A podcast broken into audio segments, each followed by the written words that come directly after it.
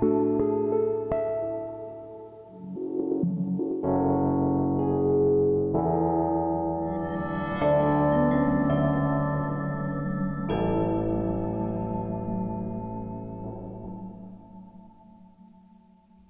och varmt välkomna till Modern Psykologipodden, där vi i varje avsnitt avhandlar ett ämne eller vinkel på ett ämne som har med psykologi att göra. Man skulle kunna säga att det handlar om vad det egentligen är att vara människa.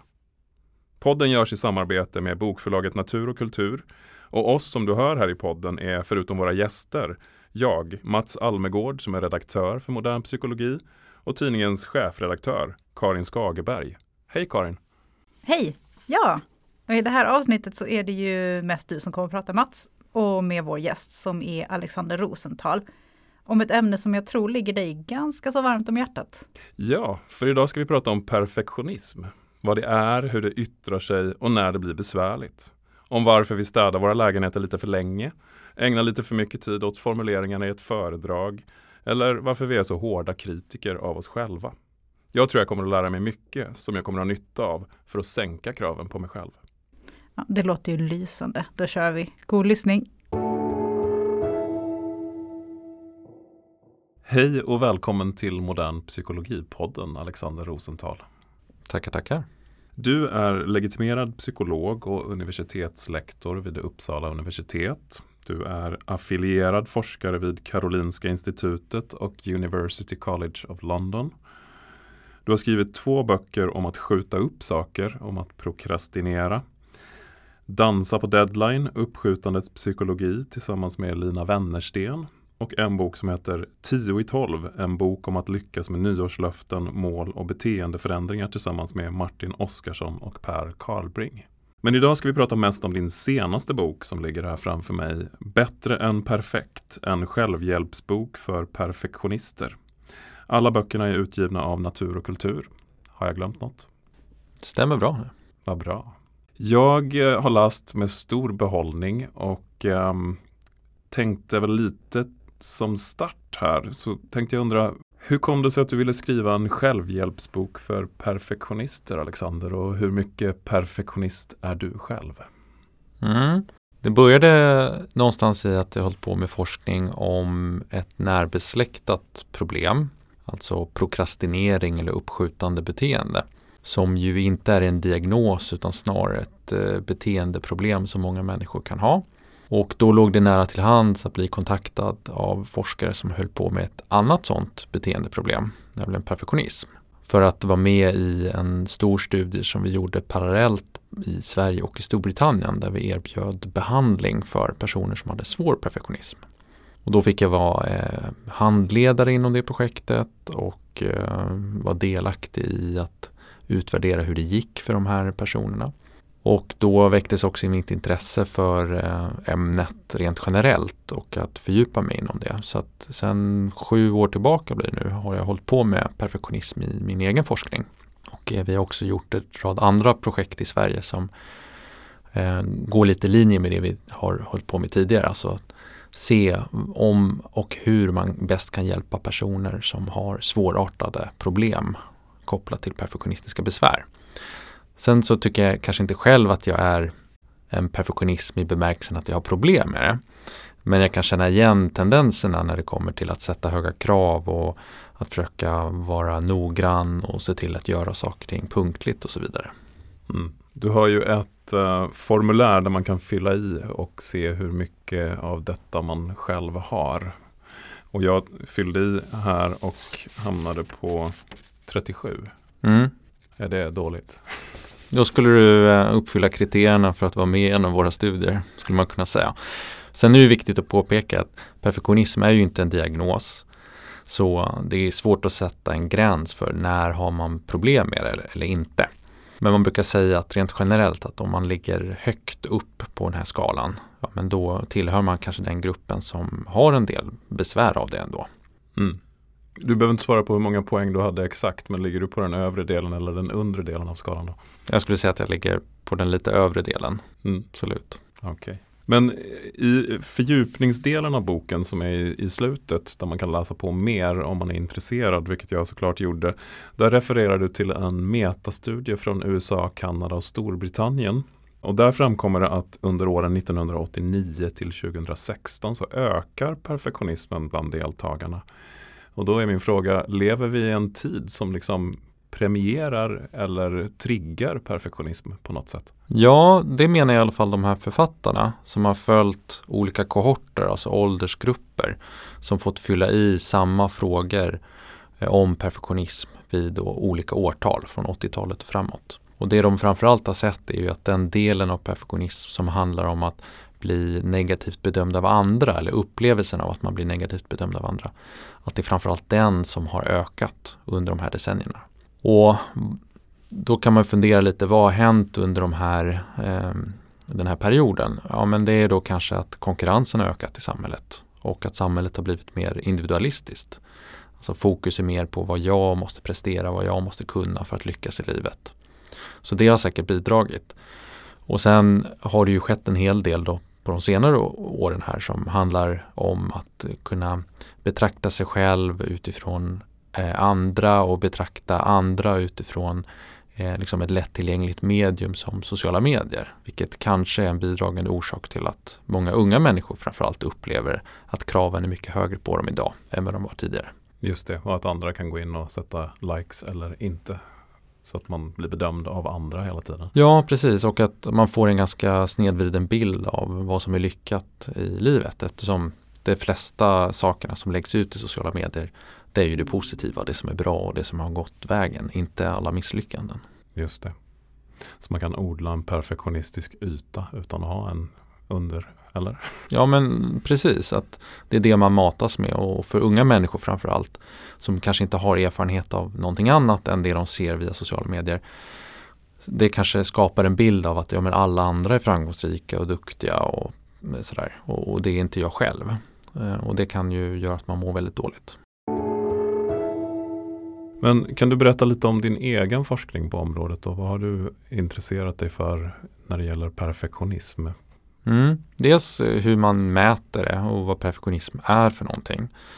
Och det kan man ju bedriva med hjälp av olika enkätstudier där man försöker kartlägga vad är perfektionism egentligen och hur hänger det ihop med andra typer av fenomen i världen? Och det är alltifrån då annan typ av psykisk ohälsa som depression och ångest eller hur perfektionism hänger ihop med saker som självmedkänsla, stressdålighet och personlighetsdrag och så vidare. Sen så har vi också bedrivit en hel del studier som handlar om skattningsskalor som mäter perfektionism. Går det att omsätta till konkreta beteenden? Alltså om man skattar högt på den här skalan då, betyder det att man också gör saker och ting extra noggrant och måste kontrollera saker många gånger? Och det verkar som att jo, men det verkar hänga ihop. Och sen den sista delen som vi har ägnat vår forskning åt har ju handlat om att behandla människor som tycker att de lider av eh, problem kopplat till perfektionism. Och då är det mer att man genomgår en psykologisk behandling med eller utan stöd av en psykolog. Och sen utvärderar man och ser hur gick det när det kommer till perfektionistiska nivåer eh, och också saker som psykisk ohälsa. Mm. Kan du berätta någonting om den här behandlingen? Eh, något, vilka olika steg som ingår eller hur, hur ni jobbar med de patienterna ni tar emot? Mm. Så då har vi i Sverige i alla fall fokuserat på att bedriva behandling via internet. Och det är en form av självhjälpsbehandling där man får stöd oftast ifrån en psykolog. Och det är lite likt att ha en självhjälpsbok i handen så att den följer ett visst struktur. Man ska göra ett kapitel i veckan och så vidare. Och i det ingår då läsning så att man förstår sina problem bättre och övningar som handlar om att kanske utmana vissa föreställningar man har om sina egna krav eller att eh, testa och se vad händer om jag gör saker och ting annorlunda. Och sen när man har gjort de uppgifterna och läst det man ska då skickar man oftast någonting till sin psykolog och så får man återkoppling och lite tips på vad man kan tänka på eller göra mer av. Då. Och sen så följer man det här programmet oftast 8 till 10 veckor och sen utvärderar man och ser hur gick det när det kommer till självskattade problem. Då. Så det är ganska likt vad man skulle göra om man bara hade en bok i handen. Men ibland kan det där extra stödet utifrån hjälpa en att liksom fullfölja allting som ingår i det här paketet. Men eh, vi har ju nämnt perfektionism några gånger och du har sagt att ni jobbar med att eh, ringa in vad det är för någonting. Men, men finns det någon bra förklaring? Så här, vad, vad, vad, är perfektionism? Hur ska man definiera det? Vad måste vara med och ingå för att man pratar om perfektionism? Mm, det är en jättebra fråga därför att de flesta människor kommer nog att tänka på perfektionism utifrån hur det definieras i en ordbok till exempel. Och där fokuserar man mer på att det handlar om att man strävar efter fullständighet eller fulländning. Det vill säga att man vill göra någonting så bra som möjligt. Men man betonar inte liksom, vilka konsekvenser det leder till. Utan man tänker sig att det är, det är en ganska bra egenskap. Då. Men inom psykologi så betraktar man perfektionism mer utifrån de negativa konsekvenserna som det kan leda till. Så egentligen så är det per definition någonting negativt att vara perfektionist. Och den definitionen som eh, jag brukar utgå från och som vi har använt oss av i behandlingar det är att man helt enkelt baserar en alltför stor del av sitt egenvärde på prestation och att liksom uppnå höga krav och att det är kopplat oftast till kanske bara ett eller ett fåtal livsområden. Trots att liksom den här konstanta strävan då efter perfektion och fulländning leder till negativa konsekvenser. Och det är lite annorlunda jämfört med ordboksdefinitionen för att här handlar det väldigt mycket om min självbild och att den här konstanta strävan också leder till någonting som inte är så bra för mig. Och, och, du skriver i boken om perfektionistisk strävan, precis som du nämnde, och också perfektionistisk oro. Och vad är den här perfektionistiska oron då? Då tänkte man sig eh, på tidigt 90-tal att perfektionism det är en enda sak. Det går att placera ut människor längs med en linje. Man har mer eller mindre perfektionism. Ungefär som att man har mer eller mindre ja, social utåtriktadhet. Mm.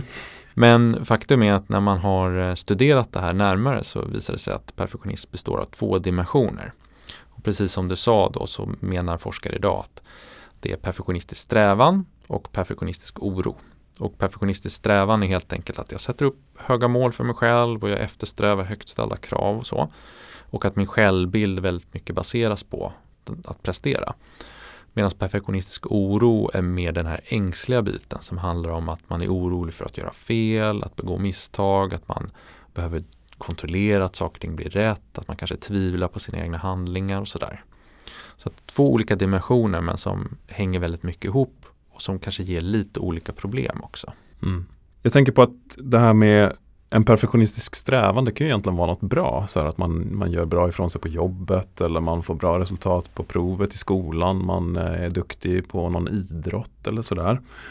Men det finns ju också då det här med oron som du pratar om. N när blir egentligen perfektionismen ohälsosam? Alltså när det övergår det här från att ha högt ställda krav som kan vara peppande och man drivs av någon vilja att göra bra ifrån sig till att det ska bli dåligt för en. Mm. Ja, perfektionism för ju onekligen med sig en mängd olika positiva saker också. För att om man är inställd på att uppnå högt ställda krav så brukar det resultera i att man presterar väl inom idrotten och skolan och jobbet och sådär. Så att det går liksom inte att separera de positiva sidorna från de negativa. Men det är ofta så att för en perfektionist som liksom lider av olika typer av problem så har det också skett på bekostnad av någonting. Och det kan ju vara då att man väljer bort väldigt mycket annat i livet för att man bara i, är fokuserad på att liksom prestera. Eh, eller att eh, ens prestation också är förknippat med väldigt mycket oro som du är inne på. Att man är ängslig och rädd för att göra fel eller hur ska jag bli bemött eller eh, sedd av andra människor. Och då någonstans börjar det leda till besvär som påminner väldigt mycket om stress och oro och ångestproblematik.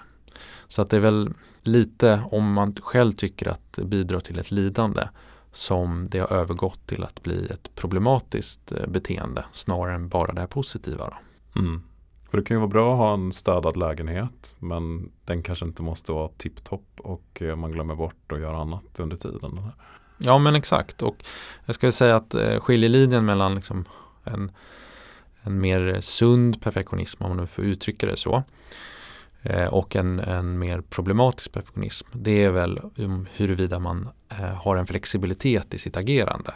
För att det är ju ingenting som säger att det är dåligt att ha högt ställda krav. Men det är väl det här att om man alltid måste göra på precis samma sätt och alltid sträva efter de här kraven som problemen uppstår. För då är man inte tillräckligt anpassningsbar utifrån vad situationen faktiskt kräver. Så ibland kanske det är bra att ha ett städat hem. Ibland så kanske det är okej att det är stökigt för att man har inte hunnit med helt enkelt. Mm. Du skriver om att det finns en viss rigiditet, alltså att man är fast i ett sätt att vara och att det går inte att ändra. Och nu säger du att eh, ja, det, det är icke flexibelt helt enkelt. Mm. Och det är lite kärnan i problematiken att eh, en perfektionism gärna vill agera på precis samma sätt varje gång. Och jag brukar likna det vid att man har en ganska begränsad verktygslåda med kanske bara en hammare som verktyg för alla olika situationer man ska lösa. Medan i det verkliga livet så kanske man måste ha en mängd olika verktyg. Och när man är så pass begränsad, alltså rigid eller inflexibel, då får man ju problem när situationer förändras och eh, man kanske inte har samma förutsättningar varje gång för att klara av en uppgift. Så flexibiliteten är jätteviktig för att man ska hantera olika utmaningar i livet på ett bra sätt. Jag tänker på, vi har varit inne lite grann på att det här är ambivalent också. Att det finns fördelar med att vara perfektionist och det finns nackdelar med att vara perfektionist. Eh, därför att man kanske har tidigare i livet upplevt att man har fått ja, framgång på jobbet till exempel. För att man då alltid skriver bra texter eller eh, slår i spiken helt perfekt eller vad det nu handlar om. Men eh, den här ambivalensen eh, gissar jag är någonting som de som kommer att läsa din bok eller de som kommer till er för behandling att de upplever väldigt starkt. Därför att ja, man kanske vill bli av med oron men inte göra ett sämre jobb. så att säga. Mm. Vilka, vilka utmaningar tror du att en perfektionist har som, som läser din bok eller som kommer och besöker dig på kliniken? Ja, jag tänker det första är väl skälet till att man eh, från början har sökt hjälp eller köpt boken eller intresserat sig för det här. Är det för att någon annan har sagt att det här är ett problem eller är det för att du själv har upplevt att det leder till olika negativa konsekvenser? Om det är det här förstnämnda, då kanske man inte är motiverad att ta tag i sina besvär. Eller man kanske inte ens upplever att det är besvärligt. Om det är det här sistnämnda då, då kanske det ändå finns en viss insikt om att okej, okay, men jag gör det här och det för med sig mycket gott, men det sker också på bekostnad av någonting annat. Så jag är ambivalent kring huruvida jag ska göra en förändring eller inte. Jag kan se för och nackdelarna med båda.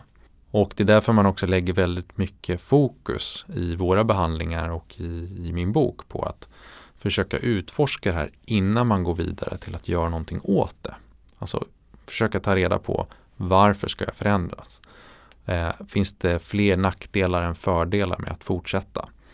Vad är skälen till att jag vill göra en ändring i mitt liv och vilka vinster skulle jag kunna uppnå med det? Och samtidigt att peka på att målet någonstans inte är att du behöver sänka dina krav nödvändigtvis, men att du ska kunna agera mer flexibelt när det krävs.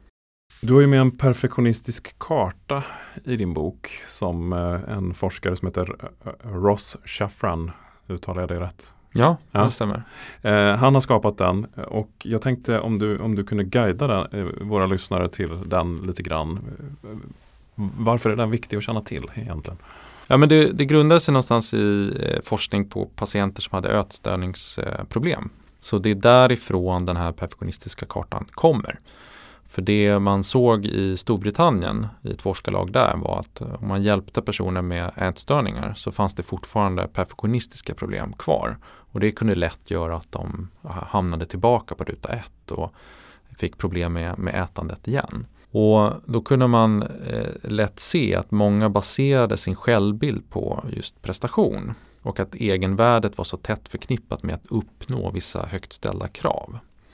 Och det är någonstans kärnan i den här kartan eller modellen. Att det är där någonstans perfektionismen har sitt ursprung. Utifrån det sen så utvecklar människor olika typer av standards eller regler för hur ska jag göra i livet för att säkerställa att mitt egenvärde uppnås. Alltså att jag når upp till de här kraven. Och utifrån de reglerna eller standarderna då utvecklar man en mängd olika beteenden och tankefällor. Så det är allt ifrån det här med att se saker ting svart eller vitt. För att om jag måste uppnå ett visst krav, då är det ju bra på ett sätt att saker och ting antingen är lyckat eller misslyckat. Mm. Då har jag en väldigt tydlig karta att gå på. Och när det kommer till de här beteendena så handlar det mycket om att då ska jag kontrollera saker många gånger för att se till att min standard uppnås. Eller jag hämtar in försäkringar från andra människor för att veta att jag är på rätt väg eller att de tycker att jag är kompetent nog. Så man gör saker och ting överdrivet och väldigt mycket och kanske i fel sammanhang i syfte att hela tiden se till att ens krav uppnås. Då. Och om man nu tänker sig att man har de här tankefällorna och man har de här beteendena då kommer man också antingen att uppnå sina krav, det vill säga man lyckas. Mm, låt säga att man klarar av en uppgift galant på jobbet. Men problemet för perfektionister det är att man ofta diskvalificerar sig själv. Så slutresultatet blir ofta att okej, okay, jag lyckades med det här.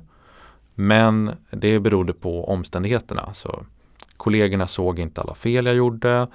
Eller de säger bara att jag är duktig för att vara snäll. Så, eller... så man är aldrig bra? Alltså, man, man känner inte så här, okej okay, det där löste jag, nu, nu var jag duktig. Nej, precis. Och, och, för vissa så kan det inte ens, eller behöver inte ens vara så här uttalat utan det kanske är mer en känsla av att ah, ja, men det där var väl ingenting eller eh, man ger sig inte själv beröm eller en klapp på axeln för att man har gjort ett bra jobb. Mm. Och då spelar det egentligen ingen roll att man har uppnått sina krav. Och problemet med det är att då hamnar man tillbaka någonstans i att okej, okay, men eh, då måste jag se till att höja ribban för att säkerställa att det går vägen nästa gång. Så man ser till att göra ännu mer för att uppnå sina krav. Det är det ena scenariot. Det andra scenariot är att man faktiskt misslyckas. Alltså man har eh, åtagit sig en uppgift men eh, kraven kanske var för högt ställda från början. Eller sina tankefällor gör att man helt enkelt inte uppmärksammar när det går vägen. Och det leder till en situation där man tycker att man har misslyckats. Och det bidrar sen då till självkritik och att man börjar ägna sig åt det man brukar kalla för kontraproduktiva beteenden. Alltså att man skjuter upp saker och ting och kanske fastnar i detaljer eller har svårt att ta sig vidare. Och det är här det tangerar med uppskjutningen och prokrastineringen då alltså? Ja, mm. precis. Så att det finns en, ett samband mellan eh, perfektionism och eh, prokrastinering. Då. Mm. Och den här självkritiken och de här kontraproduktiva beteendena det gör ju egentligen bara att man också hamnar tillbaka i att okej, okay, ja men då måste jag se till att prestera ännu mer nästa gång. Nu måste jag skärpa mig. Nu måste jag verkligen se till att det blir bra vid nästa tillfälle. Så man kan likna det lite vid att oavsett vad slutresultatet blir för en perfektionist så kommer man ändå tycka att man inte har lyckats och att man måste kämpa ännu mer nästa gång. Och då kommer man tillbaka till den här utgångspunkten att okej, okay, mitt egenvärde baseras på prestation och att nu uppnår de de här höga kraven. Då. Mm. Så det är lite perfektionismens moment 22. Hur vanligt är detta med perfektionism då? Det är jättesvårt att svara på eftersom det inte är en diagnos. Så var ska man dra gränsen mellan när det blir sjukligt och när det är friskt så att säga. Så att det finns ingen tydlig siffra på det. Eh, det enda jag kan svara är väl att när vi har utvärderat våra behandlingar och ser ja, men vad, vilka är det som söker sig till de här. Då är det 9, 9,5 eh, av 10 som är kvinnor. Och nu vet vi generellt sett att det är fler kvinnor än män som söker hjälp för psykiska besvär. Men det brukar röra sig om kanske 6 av 10. Så det är betydligt fler som uppfattar perfektionism som ett problem. Så det kanske säger någonting om här, vilka är det som faktiskt söker hjälp för det. Men sen då hur många i samhället i stort tycker att det här är ett besvär, det vet vi mycket mindre om. Så mm. det är svårt att säga. Men du skriver också om perfektionistiska miljöer i, mm. din, uh, i din bok. Och där läste jag ju med stort intresse då eftersom jag har vissa perfektionisttendenser och är journalist. Uh, för, för journalistik var ett område där vi perfektionister samlas. Och ditt eget skrå, alltså akademiker, är väl också sådana? Verkligen. Va, hur kommer det sig då? Eller vad, vad, vad är det för förklaring till att det, man klustrar ihop sig i perfektionistmiljöer? Ja, jag tyckte det var viktigt att lyfta därför att eh, när jag träffar patienter själv så märker jag att eh, de är överrepresenterade inom vissa områden när det kommer till de som söker hjälp för perfektionism. Och det ser man också i forskningen. Och det är ju oftast då miljöer som är konkurrensutsatta. Alltså alla ska egentligen eh, konkurrera om samma medel. Eller där det finns inbyggt någon form av bedömning.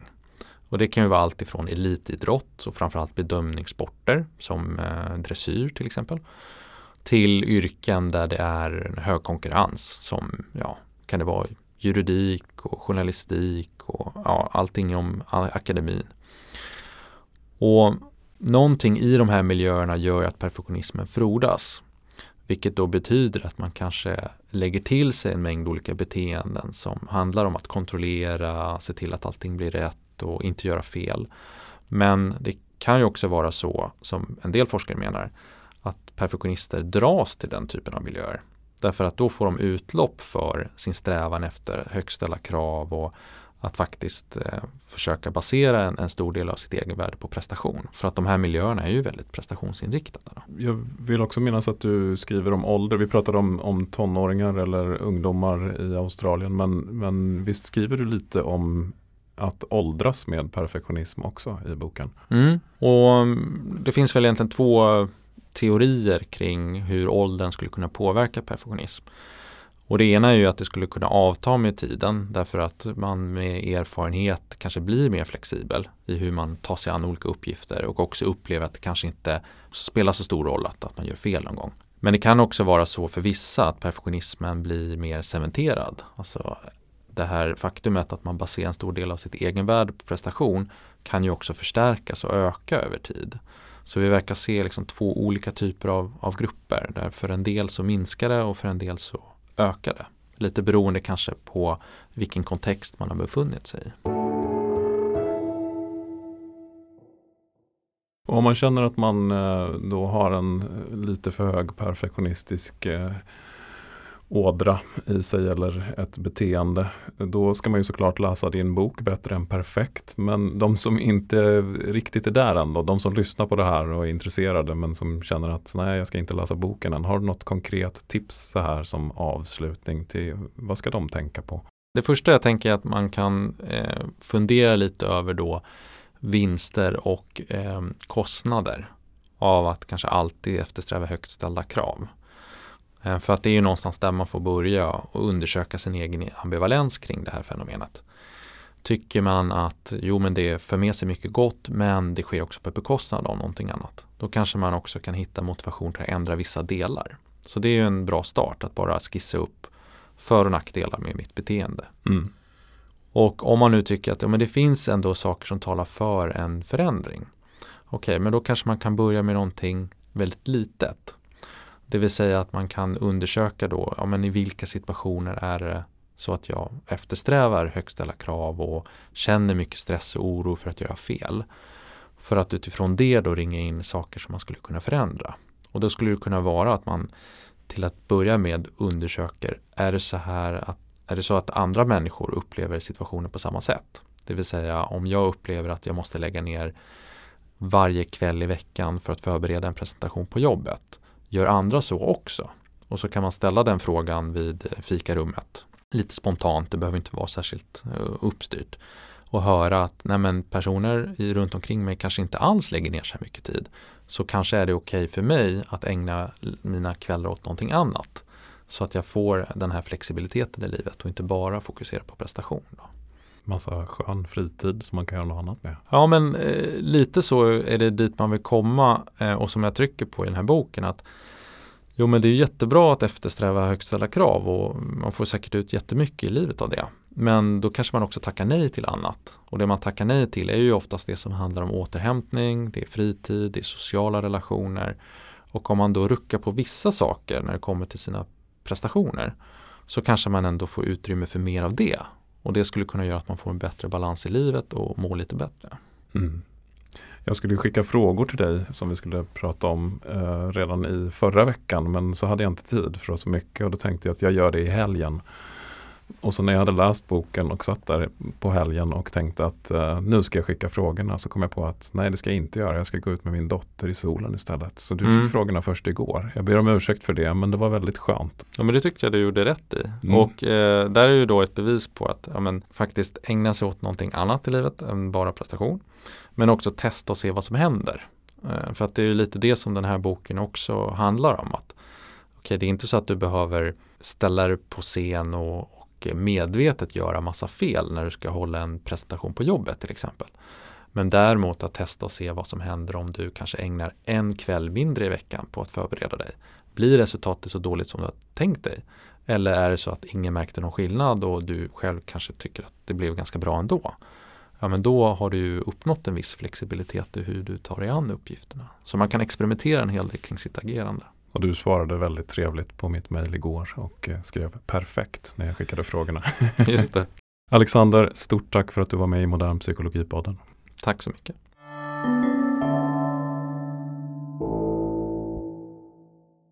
Du har hört ett samtal om perfektionism med psykologen och forskaren Alexander Rosenthal. Nu har det blivit dags för Psykologiskolan. I det här avsnittet ska vi tala lite om prokrastinering som Alexander skrivit en bok om tillsammans med Lina Wennersten. Den heter Dansa på deadline, uppskjutandets psykologi. Men du Karin, vad är prokrastinering egentligen? Man kan säga att det är ett nygammalt psykologiskt begrepp. Det kallas också för uppskjuta beteende. Och det man ska veta är att det ofta kan tränas bort. Det här med att göra det lätta och roliga först och sen det svåra och tråkiga är ju ganska vanligt mänskligt beteende. Men när det går överstyr så kallas det för patologisk prokrastinering. Och den som lider av det får svårt med vardagslivet och som följd så får den personen ofta en massa skuldkänslor och ångest. Men vad beror det på egentligen? Det kan bero på lite olika saker såklart, men eh, det kan dels bero på låg självkänsla, eh, att man har brister i sin uppmärksamhetshantering eh, och tidsuppfattning, eller kanske störningar i sin impulskontroll. Men om man då tittar utifrån eh, KBT, alltså kognitiv beteendeterapi, så kan man träna sig på att ändra de här tankemönstren som är bakom prokrastineringen. Och i den här så kallade färdighetsträning då så ingår bland annat att man formulerar nya mål, man kan bryta ner dem i mindre delar, planera in belöningar och ständigt då fråga sig själv vilken aktivitet som är viktigast just nu. Men det här ordet, prokrastinering, bara det får en ju vilja skjuta på saker och ting för att uttalet av det är inte det lättaste. Var kommer ordet ifrån? Ja men det kommer från latin där pro betyder framåt och krastinus betyder morgondag. Och det är knappast något nytt ord. 1831 så skaldade den lite deppiga Esaias Tegnér redan om sin olyckliga vana att prokrastinera. Modern psykologipodden är slut för denna gång. De fina jinglarna har Andreas Tilliander gjort. I nästa avsnitt så träffar vi psykologen och forskaren Kerstin Geding i ett samtal om stress.